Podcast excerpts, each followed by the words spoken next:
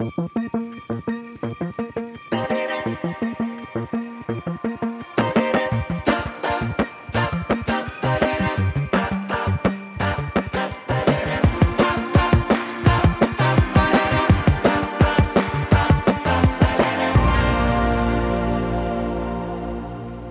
här är Milles och Marcus Muminpodd där en barnläkare och en litteraturkritiker pratar om relationer och Tove Jansson. Och dagens gäst är Per Naroskin. Välkomna! Jag heter Ulrika Milles, jag är litteraturkritiker och just nu och kanske alltid särskilt Tove Jansson-läsare.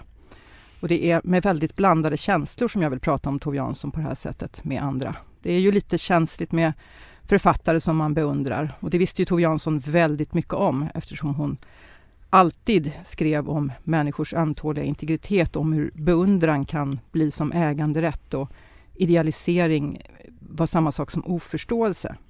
Så att när man pratar om Tove Jansson så kan man upptäcka att det finns tusentals människor som har samma husgud, när man vill tro att man är ensam och lite utvald.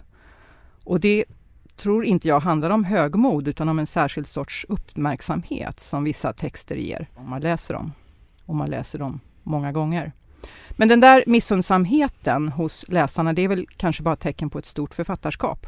Men jag måste ändå undersöka det där. Ska jag, ska vi klara att lyssna på andra som kanske har en helt annan Tove Jansson? Ja, nu sitter vi här med årets första glögg i Muminmuggar och jag får väl bekänna färg direkt. Jag samlar på sådana.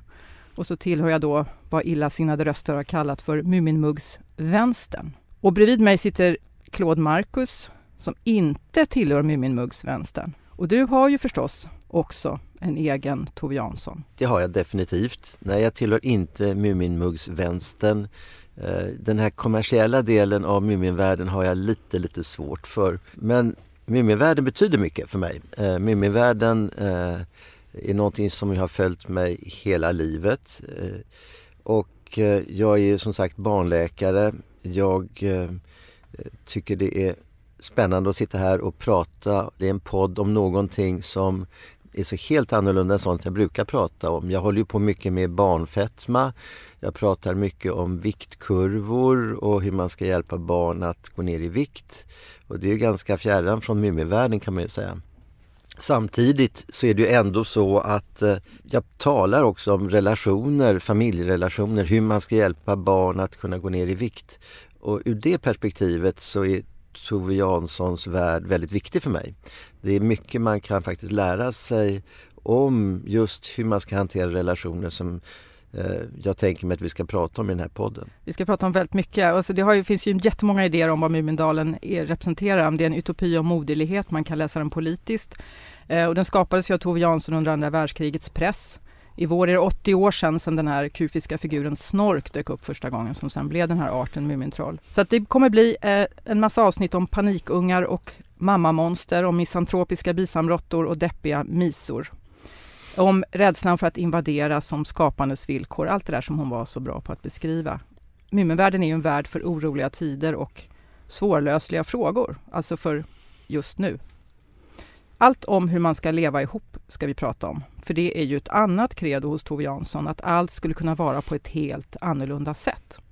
Och det ska vi göra med många gäster. Och dagens gäst jag vet inte, är du muggig vänster, en melankolisk Mumindals kremlolog eller vad är du? Välkommen Per Naroskin. Tack, jag vet inte, vad, vad, vad är en muggvänster? Ja, det är det som jag är. Ja, men vad är det, vad är skillnaden från en Muminmuggshöger? Jag tror, vet, finns Muminmuggshögern? Jag är osäker. Jag vet inte. Vi, får, vi ska undersöka det också. Nej, men det kanske finns Muminmuggsliberaler som tycker liksom den där är väl snygg, mm. fast den inte är äkta. Den tror jag breder ut sig allt mer. Ja, jag menar det. Mm. Och, och, så det ja, det kan man säga. Men, men vad gör Tove Jansson i, i, ditt yrkesliv, i ditt mottagningsrum? Nej, men jag, jag skäms lite för att uh, hon gör ingenting där. Uh, tycker jag i princip. Alltså det, ofta när man då pratar med kollegor, jag är psykolog, psykoterapeut och pratar med kollegor om Tove Jansson och kliniskt, då är det alltid bara en som kommer tillbaka, en och det är det osynliga barnet. Mm. Alltid det man mm. får höra. Mm. Och, och, jag är så himla glad att ni börjar i en annan ände i den här diskussionen mm. för att det känns väldigt bra. Eh, istället för att börja i det som är någon slags allmängods, någon slags kliché. Det är sällan man hör liksom någon som pratar om, eller vill hålla ett seminarium om bisamrottans eh, attityder och hur den påverkas eh, i KBT. Nej, det borde vara mer av det. Mm. Ja, mer KBT för bisamråttor mm. och filifjonkor. Mm. Filifjonkor är ju ett uppenbart. Mm. De men har inte du parterapi med hemuler ibland så att du kan tänka inom dig själv? Att... Hemul, jo det kan man, det kan man faktiskt säga. Mm. Parterapi med hemuler, um, ja en hemul och en annan brukar det vara. En emul och en annan. En och då, det, är då, säger, det är då nej, man behöver terapi. Emulen är den här som säger, men vi har det väl bra. Ja. Alltså jag tycker inte det. det. Det är väl som det är, folk har väl så här. Det är mest och jag har verkligen ansträngt mig, jag har diskat och jag har städat och du vill ändå inte ligga. Mm. Det är en emul och sen den andra är en, en sur mumla. Alltså det, om det nu finns sådana. Mm. Det är sällsynt. Men, men om man tänker sig. Vi kanske får anledning att komma tillbaka till det där. Är... Mm. Vi måste ju ändå börja med den här jättefåniga frågan som alltid dyker upp när, när man pratar om Tove Jansson. Och jag tycker ändå att den är viktig för att man, man kan ju se Mumindalen som en sorts psykodrama. Alltså där, där eh, olika sorts rädslor och smärtor och hemligheter iscensätts och där ingenting är fixerat. Alltså där man kan byta eh, roll och identifikation hela tiden och då blir ju frågan alltid, vem vill du vara? Inte vem är du, utan vem vill du vara med världen? Vem man vill vara är väldigt svårt eftersom det är så, okay, det är så många är olika arketyper där som eh, man vill ha vissa delar av. Alla vill vara snusmumriken, Alla vill vara snusmumriken, titta milt omkring sig, veta allt, kunna allt, eh, vara totalt obunden och fri. Det är en härlig liberal tanke. Vadå, vill du vara, om du skulle välja, skulle du vilja vara snusmumriken? Alltså? Jag skulle vilja vara snusmumriken. Okay. Det är en idealfigur. Men, men samtidigt så är jag kanske rätt mycket av... Eh, för att hemulerna är, är ju eh, inte alltid så avstängda. De är ofta också lite frågande, tveksamma. Vad är det egentligen de vill och vad är det de kan och så vidare. Hemulerna står ju för det praktiska i mumievärlden men som så många andra också hela tiden lite grann ifrågasättande kring sin egen identitet. Och om jag då ska välja någon idag så skulle jag säga att då är kanske Hemulen i, eh, i sent i november som funderar mm. på och vill bygga och allting bara misslyckas. Och så har du klänning. Och så är det självklart klänning. Ja. Den är jättesnygg ska jag bara säga. Ja, vad trevligt. Mm. Det blev två frågor egentligen. Vem vill du vara och vem jag är? Jag är nog tyvärr en filifjonka. Delvis. Mm. Därför att jag är så orolig för massa saker. Om jag skulle använda ett adjektiv för att beskriva mig själv så tror jag att jag skulle beskriva mig som orolig. Och ganska rolig. Men eh, jag är nog lite hemul också faktiskt. Och jag skulle inte vilja vara snusmumriken. Bo i tält och gå omkring hela tiden. Nej. Men vara beundrad? Nej, det, nej, nej. Li, li, jag kan vara lite snorken också. Han är ju inte så jättecharmig kanske då, en sån här ordningsmänniska som kan alla regler och alltihopa. Men jag är nog lite snorken, lite hemul och lite filifjonka. Och då har du, du har då inte klänning men du har istället de här prydliga små lockarna som alltid lite elakt av Tove Jansson påpekas som filifjonkan, att hon har små stela lockar över pannan. I wish I had. Så att vi ska, så att vi ska se ner på henne lite. Jag tycker att det är lite fräckt. Ja, ja men det var lite oväntade svar. Eh, då men kommer... snusmumriken, alltså du vill inte vara en sån här fri själ? Nej. Nej. Jag vill vara hemma, jag är en hemmakatt, jag är en sån där jag, jag, är lite så här som, jag kanske är som Muminpappan som hela tiden inbillar sig att han vill bo på en fyr mm. ute vid havet och sen inte kan skriva när han väl sitter där i Pappan och havet och börjar bli mer och mer skrivförlamad tills han slänger alltihopa i sjön och kommer på att han ska skriva hur jag saknar min trygga veranda. Mm, Fast jag har vett nog att hålla mig på verandan och skulle aldrig, eh, gillar inte att segla heller. Ja, men då tar vi delar av olika figurer för jag har ju valt att jag nog vill vara, jag tror verkligen inte att jag är det, men jag vill vara Muminpappan. Alltså tänk att ha familjen i en blå magisk kula i trädgården. Man har en blå magisk kula, man har en trädgård och så har man familjen på avstånd och man ser dem, man har kontroll och sen så hux flux så bestämmer man att man vill ha äventyr och förnya sig. Då får man med hela familjen i sin båt. Alltså den lojaliteten från familjen för att hjälpa en själv att växa och den makten och det utrymmet, det vill man ju verkligen ha. Alltså, ska vi väl återkomma till pappan i, i senare avsnitt och som när du sa Per att du var lite det ena och det andra alla hade olika liksom små tillägg, så är jag kanske egentligen Sniff då, som suktar efter en massa lemonad och när han dricker för mycket så att han kräks, då vill han ha pengarna tillbaka helt infantilt och så kan han inte motstå glittriga saker och väldigt materialistisk och samlar saker. Ett litet djur med, med väldigt stor längtan. Inte helt... Han är girig och feg. Eh, alltså, flera gånger så barn. säger han så här, det här, det här sker på barn. din risk. exakt. och så kan ja. inte hänga med, men om det finns en, ja. en smaragd ja. att hämta, då ja. minsann. Men inte det att jag verkligen visar att jag ser mig själv med sann blick?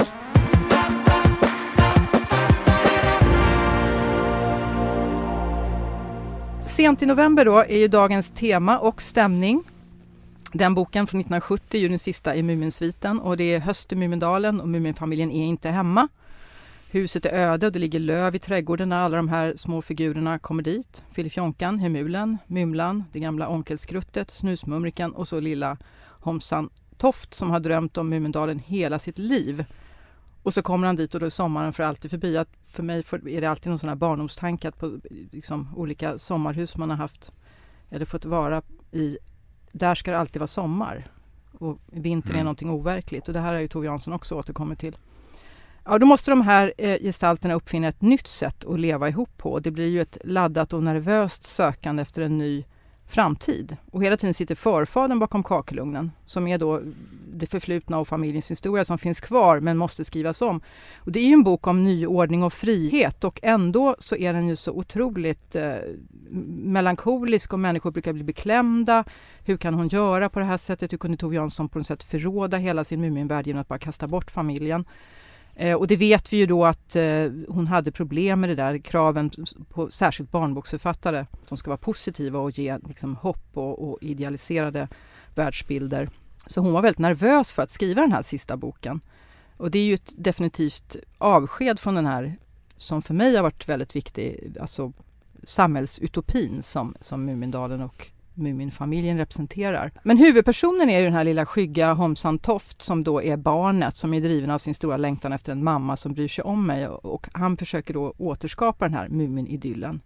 Och det är frågan då, går det? Det här blir som ett terapicenter på något sätt. När man läser den här boken så blir man ju så otroligt vemodig. Alltså var är trösten och leken och var är alla de här glada upptågen? Och var, framförallt var är de här olika eh, symboliska gestalterna? De är bara borta.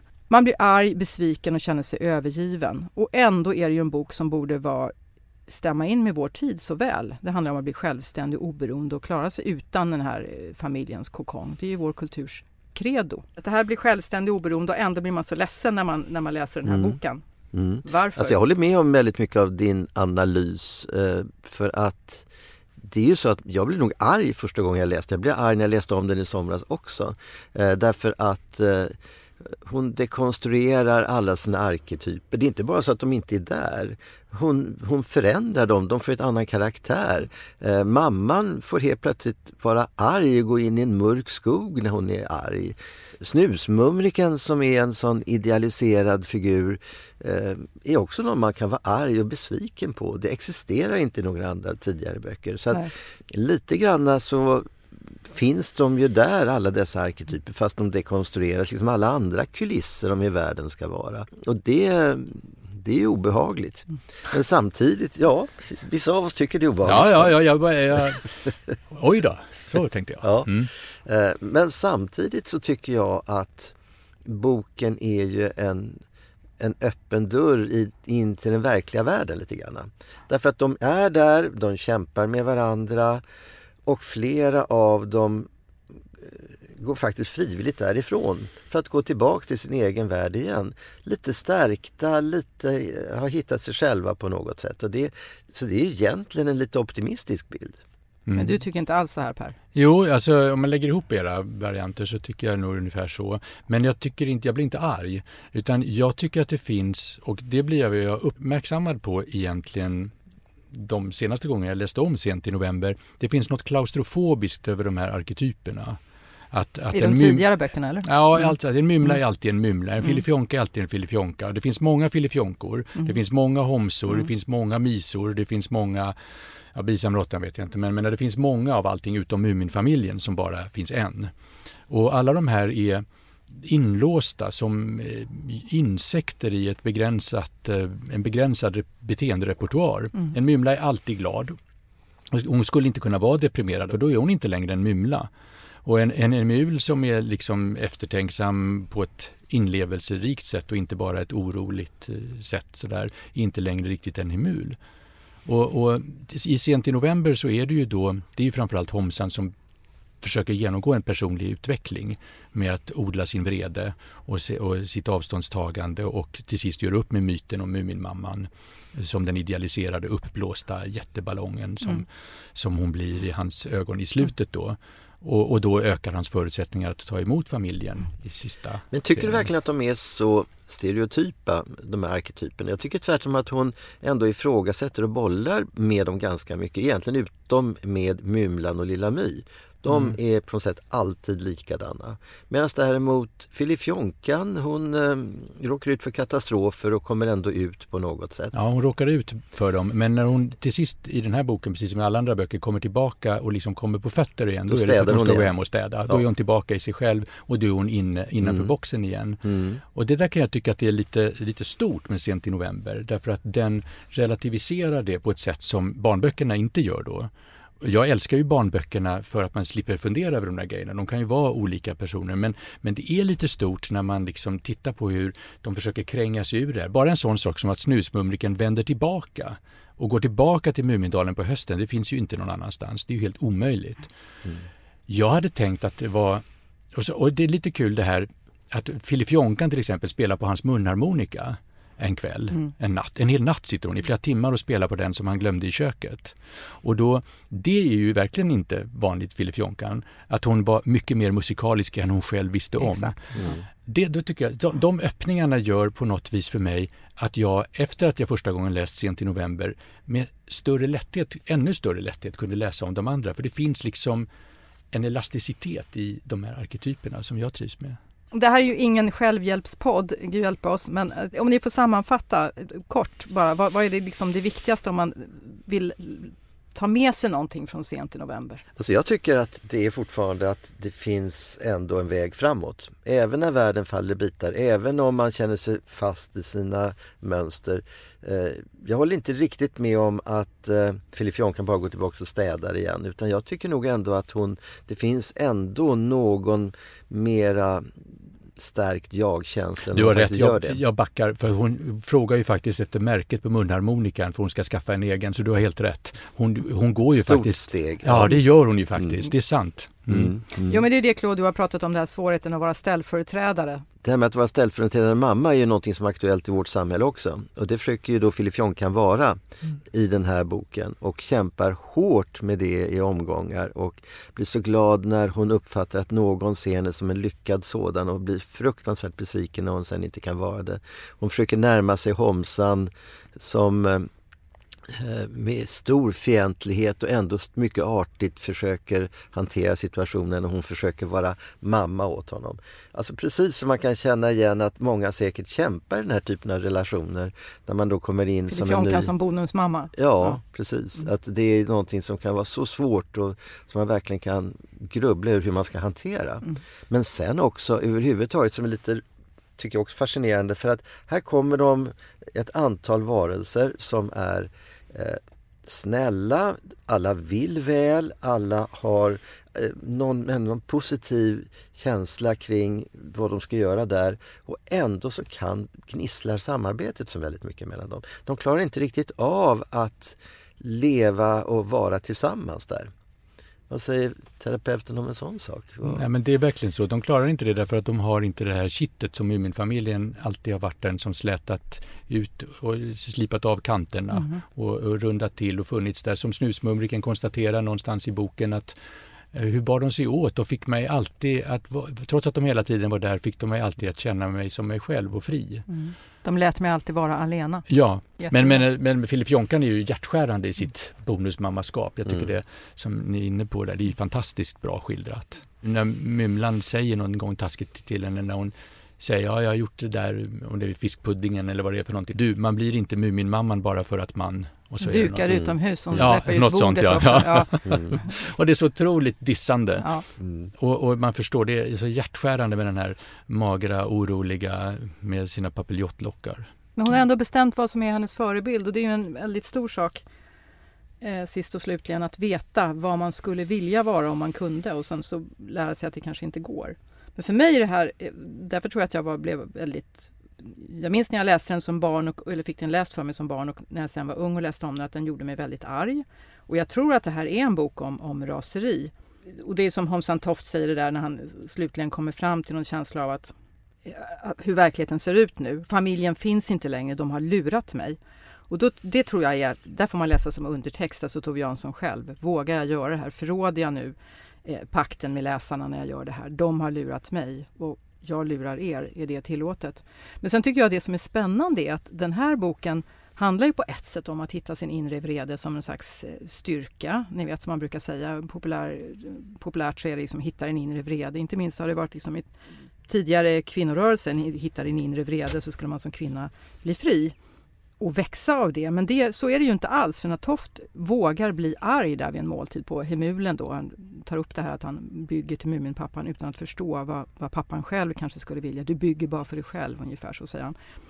Eh, så, blir han så, så, känner han skam.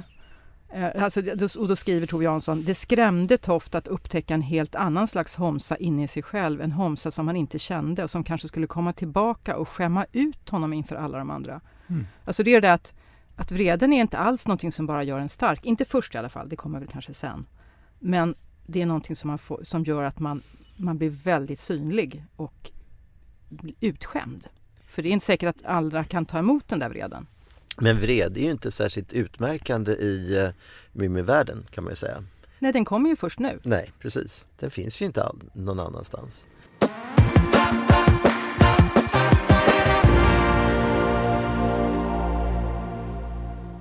Jag tänkte det var det här vi pratade om att vara, alltså att vara lojal eller inte, om det är, det är ett förräderi eller inte, om man är arg på den här boken eller inte. Och jag vidhåller ju då att jag fortfarande är väldigt upprörd men att jag också kan se det här intelligenta att låta vreden ta så stor plats och påpeka att den i sig inte befriar utan att den snarare tvärtom kan vara någonting som gör att man blir alldeles, man kan skifta färg av skam över att man blir så arg. Men jag tänker det här slutet, så hon påpekar hela tiden själv och alla som har läst sent i november att den är melankolisk och att det inte finns något hopp. Men på slutet så kommer ju familjen över havet och Homsan Toft är den som kommer stå där och ta emot fånglinan. Och det är ju jättehoppfullt, men det är då som hon själv också har skrivit att det borde ju finnas en väg där i en barnbok så ska författaren lämna friheten, eh, alltså författaren stannar och barnet går vidare. Det ska finnas ett hot eller en härlighet som aldrig förklaras. Och så är det ju uppenbart i den här boken. Det är ju jättehoppfullt. Och ändå så är ju efterklangen för mig så otroligt mörk. Och det enda jag kan ta fasta på är att det här handlar om att bli författare, att börja skriva. För det är det Homsan Toft håller på med, att, att skriva sin egen berättelse är det viktiga. Nu kan jag berätta så det syns. Fast vi har, alltså det är ju intressant eh, i det här samtalet så, så att vi har så olika uppfattningar ändå. Att jag känner liksom att jag värjer mig uh, för att jag vill ha kvar min egen mm. uppfattning. Mm. Um, och då kan man fråga sig, vad gör du här överhuvudtaget om du inte kan prata om Mumin? Du kunde inte låta bli? Det, nej, jag kunde inte låta bli. Nej. Mm. Men det, jag tycker det är roligt att prata om det för det blir också på ett indirekt sätt väldigt tydligt hur det som du sa Ulrika i början, hur man äger själv, ja. hur man tycker mm. att man äger och det ska inte komma någon och rota. Inte ens Tove Jansson ska komma och tala om för mig att de gör bra åskväder Nej. i Neomumin. Mm. Ingen ska komma och göra det. Nej. Det är därför jag läser jättesällan biografier. Jag har alla, men jag tittar skyggt på dem och går gärna förbi dem i bokhyllan. Ja, man kan läsa dem och sen avfärda dem och säga att de förstår inte min. Exakt, men det kräver väldigt stark integritet så det måste vara bra dagar man kan göra mm, det. det men så kan man göra. Mm. Så att jag, jag, känner verkligen att alltså, det är så fint slutet. Det, för mig blir ljuset slutet. Mm. Slutet ljust, alltså det där med mm. att han skulle precis hinna ner lagom från berget för att kunna ta emot mm, fånglinan. Mm. Mm. Då känner jag bara så här, ja det är en massa ofullkomliga hemuler och till och med snusmumriken tvivlar på sig själv lite grann och, och det är sådär. Men, men det löser sig. Mm. Du säger att det är hoppfullt. Jag tycker att det är mer dystert och mörkt. Men Claude, du tycker inte heller att det är så dystert och mörkt, vet jag. Nej, jag tycker inte det. Utan jag tycker verkligen att de här individerna de går vidare. De har vuxit upp helt enkelt. De, har, de är färdiga att gå ut i ett vanligt tråkig vardag. De behöver inte gulliga Muminmammans eh, allomfattande famn längre utan de har kommit vidare. Vad skönt för henne att komma hem och inte vara idealiserad. Ja. Det tror jag inte hon gillar. Nej. Eh, om vi ska knyta ihop det här så måste vi ju säga, det är kanske många saker vi ska säga. Jag tänkte egentligen bara en sak och det är det här ja. med att de här alla figurerna dekonstrueras delvis då i sent november. Eh, eller tidigare också då Pappan och havet och så vidare. Men, men mamman, hon är fortfarande bara ett vitt moln för mig. Hon är fortfarande mm. den mest diffusa, allomfattande, vänliga, i någon form av total uppgivenhet som alltid bara finns till för andra. Nej men inte i Pappan och havet. Men det är ju hon... där i hennes stora uppgörelse med sin modersroll. Ja, hon får en psykos och nej, går in nej, i väggen. Nej, hon nålar sig fri och går in i en annan verklighet. Ja, som nej, sagt. Nej, nej.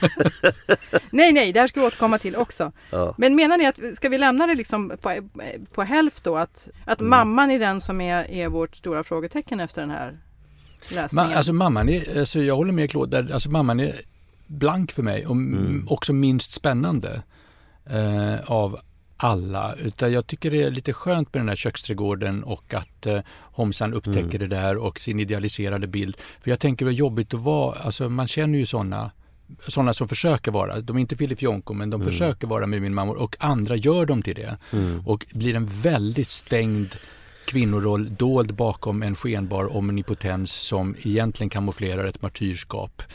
Uh, så det är väldigt komplicerat. Om du läste lite eh, teori kring, kring Mumindalen så skulle du veta då att kvinnorörelsen på 70-talet talade om att Muminmamman kastrerar Muminpappan när hon rensar vinbär i en hatt. Så att då har hon verkligen inte den Nej. Det, är alltså, det är mycket brutala saker som händer. Det är den här muggvänstern igen. Nej, det är 70-talet, det är långt innan. Herregud, de skulle inte köpt muggarna. Ja, ja. Man ja, ja. Kan ju, Nej, vi måste återkomma till mamman. Ni, ni, ni är väldigt illojala, ni förstår inte alls mamman. Vi måste ha ett mammaavsnitt. Det, det, det är precis tvärtom, det är det vi gör. Mm. Nej, alltså, ja, vi, ni vi förstår henne in tills mm. att hon liksom raderas och blir ingenting. Det, jag tror att du sitter kvar lite i en idealisering där som du inte riktigt häver dig upp ur.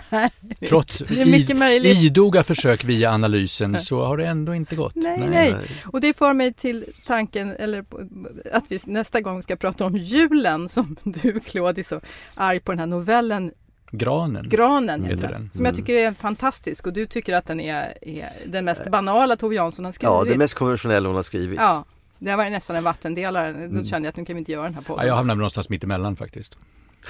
Om någon hade frågat vad jag tyckte. Det var inte någon som gjorde det i Ja men det är väl på ett sätt lite eh, lättköpt men ändå är julen någonting vi längtar efter? Ja det är det. Är julen någonting vi är rädda för? Ja det är det. Och så gör hon om det till att det är någon, någonting som är osäkert där. Mm. Det var väldigt Jansson-apologetiskt på ett trevligt sätt. Mm. Och det ska vi alltså diskutera. Vad ska vi diskutera ja, nästa, mer då nästa gång? Ja, julen och så, så, måste vi prata om, alltså julen är ju någon slags kampen om eh, att se och stå ut med de anhöriga och älska dem om man kan. Och då är förfadern en viktig figur också. Sen tror jag nog faktiskt att vi ska prata lite mer om, om mamman. Hon är väldigt väsentlig. För det är hon som ordnar julen mest.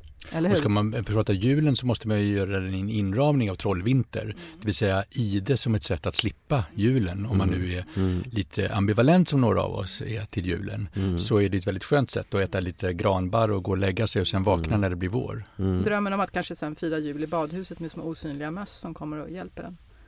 Ja, vilken dröm. Mm. Ja, och döda ekorrar.